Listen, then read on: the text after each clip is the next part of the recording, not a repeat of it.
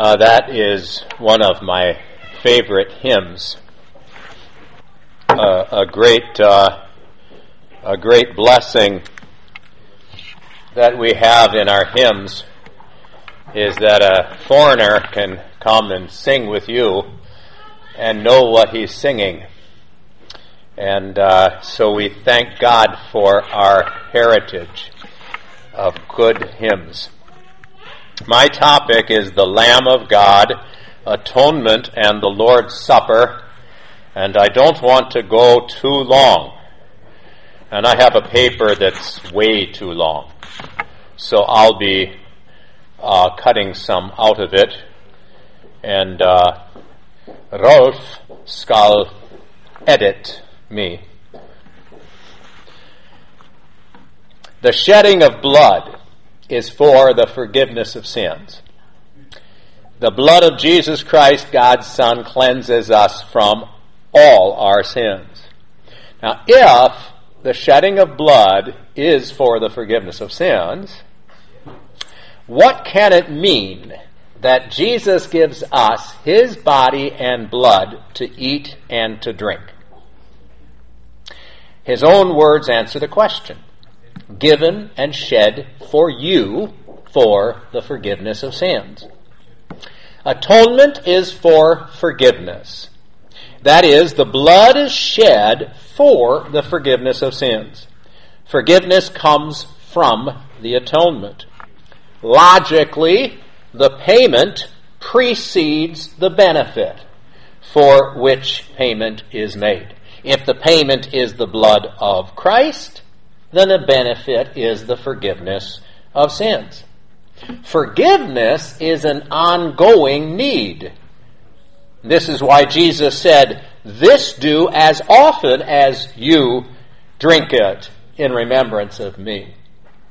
In order, as often means often. As we confess in the Catechism, for we daily sin much, and indeed deserve nothing but punishment. Forgiveness is an ongoing need, but atonement cannot be made but once. It would be a denial of the merit of Christ and the efficacy of his holy sacrifice to suggest that his shedding of blood on the cross, once and for all, was not sufficient to take away all sins. Atonement is but once, forgiveness is again and again. He who came by water came by blood. He did not come by water only, but by water and blood. This is the testimony of the Holy Spirit. 1 John 5, verse 6. He came. He came but once. Jesus is no Anabaptist. He was baptized once.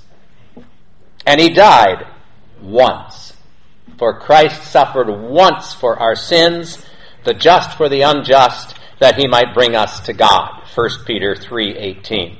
The once and for all nature of the atonement is expressed by the author of the epistle to the Hebrews, quote, "For Christ has not entered the holy place made with hands, which are copies of the true, but into heaven itself, now to appear in the presence of God for us, not that he should offer himself often, as the high priest enters the most holy place every year with blood of another, then he would have had to offer, suffer often since the foundation of the world. But now, once at the end of the ages, he has appeared to put away sin by the sacrifice of himself. And as it is appointed for men to die once, but after this the judgment, so Christ was offered once to bear the sins of many. He came but once, but the testimony continues to the end of time. It is the testimony of God. It has the power of God. As God said in the beginning, let there be, and there was. God has bound himself and his almighty and gracious power to his speaking. The Spirit, the water, and the blood testify. Now, unlike the conflicting testimony of sinners who put God on trial, the testimony of the Spirit, the water, and the blood is in perfect agreement. The Spirit is the forgiveness of sins. As Jesus said, receive the Holy Spirit. Whosever sins you forgive are forgiven. The water is baptism, a washing of regeneration and renewal of the Holy Spirit. The blood is the Lord's Supper, the New Testament in Christ's blood. The atonement was effected once and for all, but its benefits flow out to sinners until the end of time. The then and there cannot be separated from the here and now, but neither may they be confused. The bread and the wine of the Lord's Supper are the body and blood of the Lamb of God who takes away the sin of the world. He bears it. He takes it away. He takes it away by bearing it. The forgiveness of sins may be given and received apart from the celebration of the Lord's Supper. But there can be no forgiveness of sins without the body and blood of Jesus given and shed for the remission of sins. Since justification is the central topic of the body of Christian teaching, the Lord's Supper is at the heart of the divine service. Hermann Sasse, in commenting on the fact that the doctrine of justification of the sinner through faith alone is the article by which the church stands or falls, writes, quote, This article cannot be purely preserved in the church apart from the celebration of the supper, at which Jesus Christ himself preaches to us with his for you. The converse also holds true, namely, that the supper cannot be kept from distortion without this article. End quote. Christians are disciples of Jesus. They are taught by Him. They are taught about Him. They're students with an eagerness to learn. Christians want to know Christ. And as Philip Melanchthon so profoundly observed, to know Christ is to know His benefits. The benefits Christ provides are the benefits His atonement provides, and they are summarized in the Catechism as forgiveness of sins, life, and salvation. They are given to us by the words of the sacrament. It would be a big mistake to assume that the Lord Jesus teaches us little about the atonement. Moralists of every description try to turn Jesus into another Moses.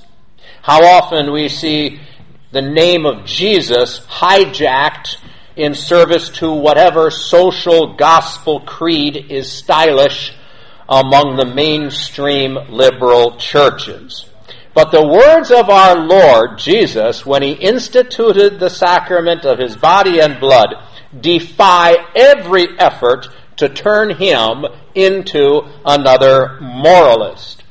Jesus identifies himself as a, as the sacrifice to take away sin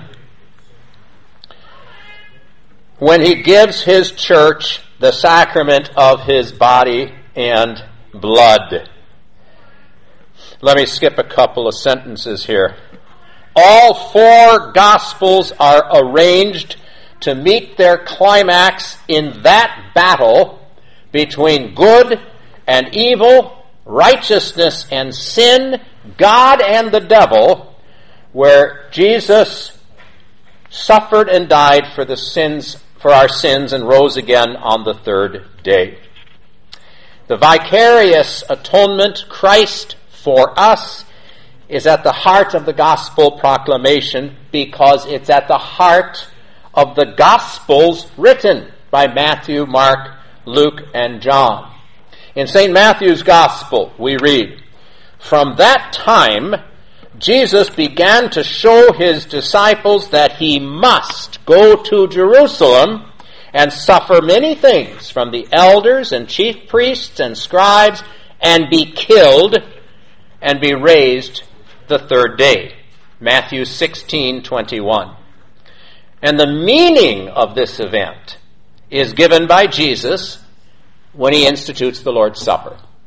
He says, Take, eat, this is my body, which is given for you. This do in remembrance of me. Drink of it, all of you. This cup is the New Testament in my blood, which is shed for you for the remission of sins. This do as often as you drink it in remembrance of me. The forgiveness of sins comes from the vicarious atonement. The body and blood of the God man offered up to the penal justice of God to propitiate his wrath are not only sufficient for the justification of the sinner, they guarantee it. Justification cannot possibly include human merit or worthiness because the body and blood of Jesus provided. This is a